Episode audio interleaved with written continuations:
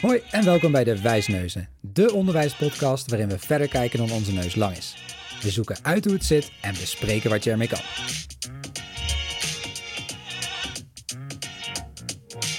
En welkom bij de derde aflevering van de Wijsneuzen. Mijn naam is Linda En mijn naam is Wessel. en deze aflevering staat de volgende vraag centraal. Hoe beantwoord je de vraag, is dit goed? Wat denk je zelf? Dan wil ik graag dat jij mij dat vertelt. Oh, nou, zullen we maar eens even induiken dan? Oké, nou vooruit. Vertel. Ja, kijk, eigenlijk, eigenlijk gaat die vraag natuurlijk, die gaat, daarachter ligt eigenlijk het begrip kwaliteitsbesef. Want je stelt de vraag, en dat doen we allemaal als mens, eh, is dit goed? Je wil graag dingen goed doen. Ehm, ik heb zelf een, een dochter van vijf, ja, die vraagt ook regelmatig, is dit goed? En dat gaat om de kleinste dingen, en dat doen we ook graag als volwassenen, doe ik mijn werk goed? Ehm, en het is natuurlijk belangrijk, we willen graag dingen goed doen. Dus dat zit er eigenlijk achter die vraag. Ehm, ja, en, en wat, wat is het dan precies, dat kwaliteitsbesef? Hè? Wanneer Ja. hebben we daar besef op? Nou, in de literatuur wordt dat omschreven als de capaciteit om kwaliteit van eigen werk en dat van anderen te evalueren. Oké, klinkt best als een complexe vaardigheid. Is het, is Ja. het. En ik denk dat we dat best vaak onderschatten. Ja, en, Ja. en waarom is het eigenlijk belangrijk om, om dat te hebben, kwaliteitsbesef? Nou, ik denk, ik denk eerst allereerst overkoepelend is door kwaliteitsbesef te ontwikkelen kun je zelf, ja, jezelf ook beter sturen. Hè? Waar we het eerder over hebben gehad in een andere podcast. Als je het hebt over meer zelfsturend zijn, meer eigenaarschap pakken, is het belangrijk om besef te hebben van wanneer is iets goed en hoe kan ik daar dan aan werken. Ehm, en iets, iets meer ingezoomd zie je ook wel ontwikkelingen. Eh, je ziet bijvoorbeeld dat er telkens meer wordt gekeken voor het hoger onderwijs naar bijvoorbeeld onderzoek. Onderzoek is belangrijk als je ergens gaat werken. Ja, dat betekent dat het onderzoek wat je nu leert over vijf of tien jaar veel minder relevant is. Dus je moet leren om zelf te bedenken, hey, wat is een relevant onderzoek? Ja. Ehm, en bijvoorbeeld ook het discipli- interdisciplinaire werken. Je werkt veel meer samen met andere disciplines. Dus ja, dan is het ook belangrijk, als je kijkt naar kwaliteitsbesef, dat je leert van, hé, hey, als hij of zij, mijn collega, wat doet, hoe kan ik dat weer voor mijn werk gebruiken? Ja, dat kun je niet altijd aanleren van tevoren in een opleiding. Nee. Kijk je naar het voortgezet onderwijs, ja, dan is het wel belangrijk om te weten, hoe beantwoord ik dan bijvoorbeeld goed een examenvraag? Of hoe beantwoord ik, hoe los ik een bepaalde formule op? Of hoe, hoe doe ik dat dan goed? Iets weten is één ding, ergens kennis van hebben, maar ergens echt het begrip van hebben, het echt eigen maken. En dus daardoor ook de, nou, het duiden van kwaliteit. Ja, dat is iets dat is, als je dat kan, dan kun je je veel beter dus, ja, jezelf dus sturen en jezelf ontwikkelen. Ja, en begrijp ik het dan goed dat het ook wat duurzamere kennis wordt? Omdat je Ja. dan minder gebonden bent misschien aan nou ja, literatuur of bepaalde aangeleerde methode die op dat moment wordt gegeven? Ja, goeie. Ja, zeker wel. Ik denk ehm, eh, op het moment dat je kwaliteitsbesef goed ontwikkelt, dan kun je ook jezelf daarin blijven ontwikkelen. En ik denk inderdaad, als het gaat over, we kunnen heel goed ja, platte kennis of vaardigheden ook kunnen we aanleren. Of een bepaalde attitude. Maar ik denk inderdaad, door, door zelf daar meer regie over te kunnen nemen, kun je daarin blijven ontwikkelen. Ja, ze zeggen ook wel eens, goed kwaliteitsbesef, dat zorgt voor waarde voor je, voor je beroep, je opleiding, maar ook wel voor je leven lang leren inderdaad. Telkens meer ja, bewust stappen blijven zetten. Ja. Eh, maar het is ook, het is ook wel, wel, wel lastig. Het is ook wel, eh, wat je natuurlijk wel ziet en waar- waarom het ook wel, het is belangrijk om over na te denken, omdat aan de ene kant willen we heel erg graag een stevige kennisbasis meegeven. En tegelijkertijd willen we in diezelfde tijd dat leerlingen of studenten tot dieper leren komen en daardoor ook werken aan kwaliteitsbesef. Want we willen ook dat ze kunnen ja, inspelen op ontwikkelingen die er zijn, hè, meer in het hoger onderwijs of in het VO, naar ja, nieuwe stof die aangeboden wordt. En Ja. het is ook wel lastig, want je wil, ja, het is altijd spanningsveld tussen wat je eigenlijk noemt de stevige kennisbasis versus je wil dat iemand adaptief en flexibel is. Dus dat is altijd kennis, ja, Ja, moeilijk. ja, ja, en ik kan me ook voorstellen dat je als docent misschien ehm, denkt dat je, dit, dat je dat sowieso wel aanleert als je gewoon de inhoud leert. Is dat, is dat nog een valkuil die je kan voorstellen? Dat je Zeker. vanuit gaat impliciet dat leerlingen wel kennis of kwaliteitsbesef hebben? Ja, en natuurlijk kennis, kennis overdragen zorgt ervoor dat je telkens meer besef van kwaliteit krijgt in een bepaalde Mhm. zin. Want ja, je, je, je, je leert hoe het zit. Ja. En tegelijkertijd, op het moment dat, dat, eh, dat je daar niet zoveel over hoeft na te denken of niet zoveel keuzes binnen hoeft te maken, ja, dan, dan neem je het ook maar aan. En ik denk Ja. dat juist de, de dialoog aangaan over, hè, je moet, je moet, het is een proces. Kwaliteitsbesef is echt een proces. Je moet telkens meer keuzes zelf bi- binnen leren maken. Eh, want uiteindelijk waar je naartoe wil, is niet alleen die, die expliciete kennis overdragen, maar je wil ook dat, dat die impliciete kennis daaromheen, en die is vrij moeilijk te vatten. Hè, we kunnen heel goed aanleren hoe bijvoorbeeld een bepaald geschiedenisfeit zit, of een bepaalde spellingsregel zit, of een bepaalde houding in een beroep zit, op papier. Mhm. Maar er zit altijd nog wat, wat omheen of zo. Hè? Van waar, wanneer maak je dan de goede keuze in dat gesprek? Of bepaalde geschiedenisfeit, hoe kun je daar nog meer tegenaan kijken? En dat is een soort impliciteit. Ja, precies. Ja, dat, dat leer je alleen maar door er veel mee bezig te zijn en vanuit verschillende invalshoeken erover te praten, dus die dialoog aan te gaan. En nou, er zijn nog wat andere dingen waar ik straks nog even op terugkom. Maar ja, het is wel belangrijk om er veel ruimte voor te creëren eigenlijk. En, en dat verandert ook je rol als docent. Je bent minder een, een, een poortwachter van kennis, als het ware. Zo van, ik vertel het jou even. Maar je bent, bent, zelf, je bent echt een, een docent. Dus je bent veel meer in dialoog, bijna coachend soms bezig. Bevragen, hè? didactisch coachen ha- ha- haakt die wat mij betreft ook goed op in. Ja. Veel meer dingen uit die leerling of student halen om dat weer terug te kunnen geven. Ja, dialoogruimte eigenlijk creëren. Zodat je kan nadenken over, nou ja, wanneer is het goed? Precies. Nou, en je, je raakt ook al een beetje de, de hoe-vraag eigenlijk. Hè? Ja. Kan je daar nog wat meer op ingaan? Ja, zeker. Kijk, kijk, wat je eigenlijk wil, is, is binnen, je, binnen je lessen, en en breder binnen je curriculum, wil je ruimte creëren en focus creëren om leerlingen dan wel studenten continu stil te laten staan bij hey, dingen die ik nu doe. Dat even naast bijvoorbeeld criteria houden of naast andere producten dan behandelingen houden. Hoe verhoudt zich dat tot wat ik aan het doen ben? En daarover die dialoog aangaan. Bijvoorbeeld een bepaalde video kijken, een bepaald stuk tekst lezen, een bepaald voorbeeld zien. Wat vinden we daarvan? En hoe zou je dat met jouw werk vergelijken? Dus pak eens de criteria erbij. Wat vinden we daar dan van? Dus eigenlijk continu ja, een beetje het, het, het, eh, het plannen, monitoren en evalueren op... hey, wat ben ik aan het doen ten opzichte van wat ik zou mo- moeten doen. Ten opzichte van wat kwaliteit is. En die kwaliteit moet je denk ik vaak wel in het begin als docent duiden. Ja. Maar door dit soort activiteiten is het volgens mij de bedoeling... dat leerlingen en studenten telkens meer zelf kunnen duiden wat zij goed doen. Ja, en, en impliceer je daarmee ook dat je ehm, misschien naarmate eh, leerlingen of studenten meer weten over een onderwerp of meer kennis hebben, ze ook zelf meer in charge kunnen zijn van het formuleren van succescriteria of kwaliteitscriteria? Ja, zeker. En dat is ook meteen een mooie werkvorm. Ik denk in het begin, eh, eh, waarmee ik niet zeg, dan moet je dan een heel summatief oordeel meteen opvellen, maar wel bewust nadenken over, als je ergens een tijdje mee bezig is, geef eens een blanco rubric. Ga nou eens als leerling of student invullen, wanneer is het onvoldoende, wanneer is het goed, bijvoorbeeld Leuk. alleen al. Ja. En dat is heel interessant om die, dat dialoog ook te volgen en te sturen daarin, als bijvoorbeeld in groepjes werken. En ik denk überhaupt dat, dat daarop ingaan, het delen van leerdoelen, leeruitkomsten, succescriteria onderliggend, super belangrijk is voor het werk- en kwaliteitsbesef. Ja, ja hier eh, verbazen wij ons ook nog wel eens over. Hè? Dat Ja. kwaliteitscriteria totaal niet gedeeld worden of Nee. achter in een eh, cursushandleiding Ja. blijven staan. Ja, het staat toch daar. Of ja, maar als we het delen, dan, dan, dan gaan ze het nadoen. Ja, Ja, en dat denk ik altijd juist. Je moet juist hier heel open over zijn. Natuurlijk, als je een rubric inricht als een checklist, dus waarin staat je hebt één keer dit, je hebt twee keer dat, je hebt dit, een hele waslijst. ja. Kijk, of je hebt een rubric of je hebt een checklist. Wil je een checklist? Maak dan een checklist. maar een goede rubric die biedt ruimte als dat je bijvoorbeeld, nou ja, dat je bijvoorbeeld relevante literatuur kiest. Of je kiest een passende voorkant van je verslag. Ik noem maar eventjes wat. Of je kiest een passende oplossing. Wat is dan passend? Ja, juist die dialoog daarover maakt dat je werkt aan kwaliteitsbesef.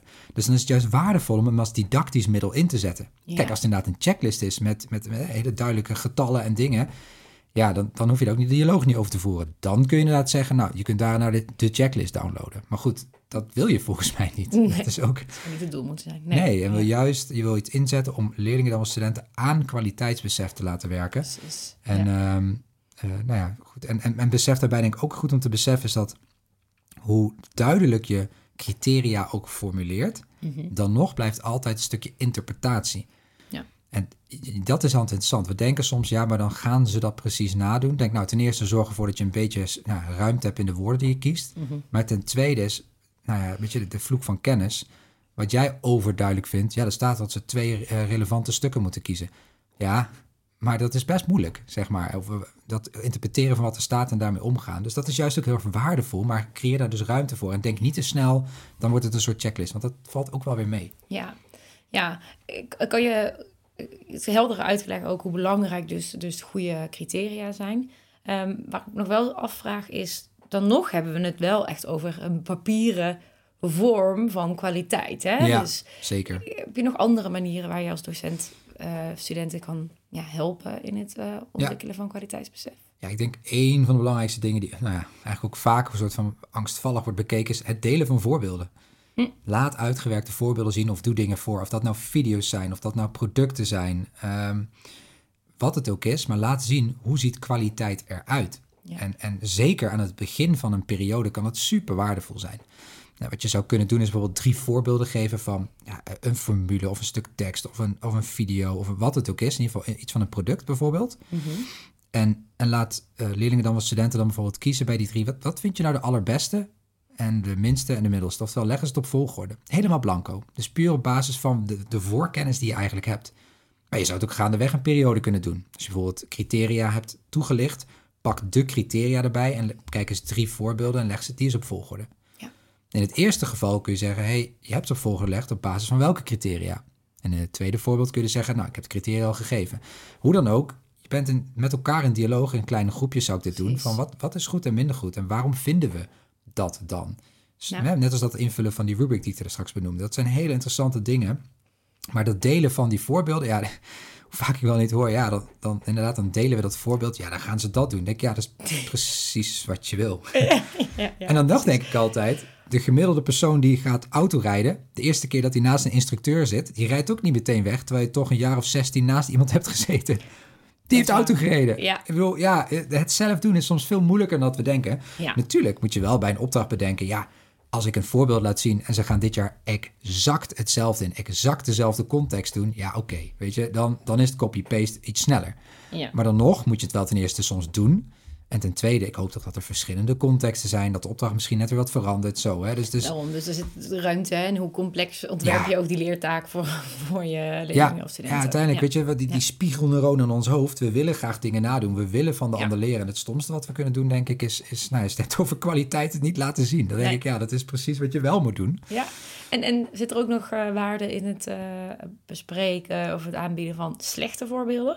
Zeker, zeker. En ik denk dat, dat, eh, eh, ik denk dat de charme ook juist mag zijn ook, ook een paar slechte naast elkaar te zetten. Van wat zou daar de verbeterpunten kunnen zijn? Wat zouden daar de verbeterpunten kunnen zijn? Ja. En dat is natuurlijk als je meerdere voorbeelden laat zien, eh, maak het niet te obvious. Maak het niet van, nou, één is heel slecht, eentje is middelmatig en eentje is fantastisch. Weet je, dan Nee, heb je ook minder dialoog. Het is een beetje gelijkwaardig. Ehm, en ik denk juist, ja, en juist ook nou, goede voorbeelden met elkaar bekijken, elkaar daar ook feedback op geven. Hè?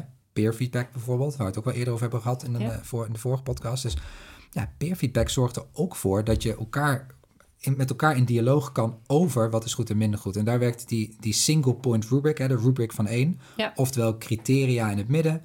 Links een kolom met wat kan beter. Rechts een kolom met, met wat, wat gaat al goed. Laat studenten dat aan elkaar verwoorden. In plaats van zo'n standaard analytische rubric met... oh, je zit nou in hokje 3 en je kan een hokje 4. Want dan Precies. ja, is er geen dialoog. Nee, nee, nee. En dat is wel, denk ik, wat dat betreft peer feedback... maar zo ook feedback naar jezelf, zelfevaluatie, self-assessment... kun je ook op die manier insteken. Kijk eens Ja. naar de criteria. Wat zijn je verbeterpunten, wat zijn goede punten? En het gaat er niet om dat er een heel verslag uitkomt. Het gaat er wel om dat in het hoofd nagedacht wordt over... nou ja, wat zijn, wat zijn goede stappen die genomen Precies. kunnen worden... Ja. En, eh, en wat zegt dat dan weer over die kwaliteit? Ja. Ja, en je had het ook al eh, eerder over het voordoen, hè? Eh, ook als docent zijnde. Eh, ik kan me ook voorstellen, dan heb je het iets meer over beroepsonderwijs of hoger onderwijs, maar dat het gewoon überhaupt op observeren van verschillende experts ook al een hele mooie waarde kan zijn Zeker. voor studenten. Ja, en ik vind voorbeelden is ook, doe eens een, een formule voor op het bord. Teken eens Mm. iets uit, laten ze het, weet je, het kan op, wat dat betreft ook voor, voor het VO super nuttig zijn om juist heel, en dat doen we natuurlijk als het goed is wel best wel veel, maar Mhm. blijf dat bewust doen en deel ook de stapjes van, hé, welke, wat zou nu een goede volgende stap zijn? Neem leerling ook mee in de stappen die je zet. En bij het HBO bijvoorbeeld, of het MBO, stoppen ze een video of pauzeren ze ergens een tekst, zegt, wat zou nu een handige stap zijn? Dat samen nadenken over, en soms zijn dat dus meerdere keuzes. Ja. En, ik, dat, hè, dat, dat, en soms is dat, is dat ook maar één keuze. Want soms ben je misschien in een medische hoek bezig. Ja, dan is kwaliteit toch redelijk nauw te duiden. Ja, Terwijl Ja. soms is het heel breed. Want je misschien verschillende dingen wel goed kunnen zijn. Verschillende stappen kunt ondernemen. precies. En dat brengt me ook weer een beetje terug op wat je in het begin zei. Je wilt ze ook die impliciete eh, kennis hè, en de vaardigheden ook meegeven. Die Ja. niet altijd in eh, criteria te borgen zijn.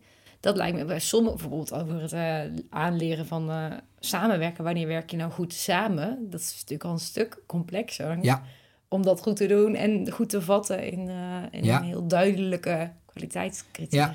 Ja, en je ziet je- vaak in literatuur hebben ze ook wel eens over een soort spiraal. Wat betreft kwaliteitsbesef. Is, is dat je eh, eh, vaak in het begin, als je echt wat meer beginner in bent, dan leer je bijvoorbeeld over, nou, wat is, wat is een goede instructie? Ik noem maar even wat. Hè. Als je gaat lesgeven, wat, wat is nou een goede instructie? Ja.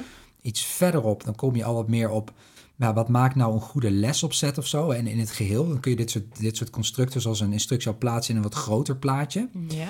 En vaak als je echt wat meer kwaliteitsbesef hebt, dan kun je ook gaan nadenken over wat maakt dan een goede docent. Zeg maar, wat maakt dan dat je docent daarin goede keuzes maakt? Dus dat is eigenlijk van instructie naar les naar de docent die, die daar regie over heeft. Nou, dat, dat gedurende een opleiding leer je bijvoorbeeld dat. Nou, Een zou, leraaropleiding. Ja. ja, ja. ja. dit zou je bijvoorbeeld ook op andere contexten kunnen plaatsen. Hè? Dus Ja. je, ze- je begint vaak heel klein met, met, en daar wil je kwaliteitsbesef hoeft niet meteen te gaan over grote dingen. Nee. Over wat is nou een goede wiskundige aanpak. Nee, wat, wat is hier een goede oplossing voor? Of bij de geschiedenis, ja, we, we kunnen ook hebben over hè, wat, wanneer is een bron goed omschreven. En niet meteen over wat is vanuit standplaatsgebondenheid hier, hier en hier de situatie. Ja. En dat geldt ook voor beroepen zo. Begin klein en stap voor stap ontwikkel je kwaliteitsbesef. En kun je daar echt wat van vinden. Eh, van zowel dus je eigen werk als dat van anderen. En daarin dus bewuste keuze maken in ontwikkeling. Mooi. Nou, helder verhaal. Eh, Ja. Wel even terug naar de vraag nog waar we mee begonnen. Ja. De vraag die ik stelde was, hoe beantwoord je de vraag, is dit goed? Ja, ja en, en, en eigenlijk wil je ten eerste dat die vraag niet eens gesteld wordt. omdat je gewoon wil dat leerlingen of studenten daar die vraag aan zichzelf stellen. Ja. Dat, is, dat mag er voor in een spiegel zijn. Natuurlijk kun je soms wel een antwoord geven. Hè? Je wil niet heet zeggen, ja, wat denk je zelf? Maar in wezen is dat wel wat je wilt doen. Je wil leerlingen of studenten die vraag aan zichzelf leren stellen... en handvatten geven, zodat ze, nou, die, die vraag eigenlijk niet meer komt. Daar wil je stap voor stap aan werken. Dus we gaan toe naar onderwijs waarin die vraag steeds minder gesteld wordt. Eigenlijk wel, ja. In ieder geval aan anderen. Aan anderen. Nou, Ja. dank je wel. Ja, jij ook bedankt. Dan, En eh, nou, bedankt voor het luisteren allemaal. En tot, de, volgende. Leuk dat je weer hebt geluisterd naar een aflevering van de Wijsneuzen. Wil je nou meer weten over het onderwerp dat je net hebt beluisterd? Ga dan naar vernieuwenderwijs.nl slash podcast.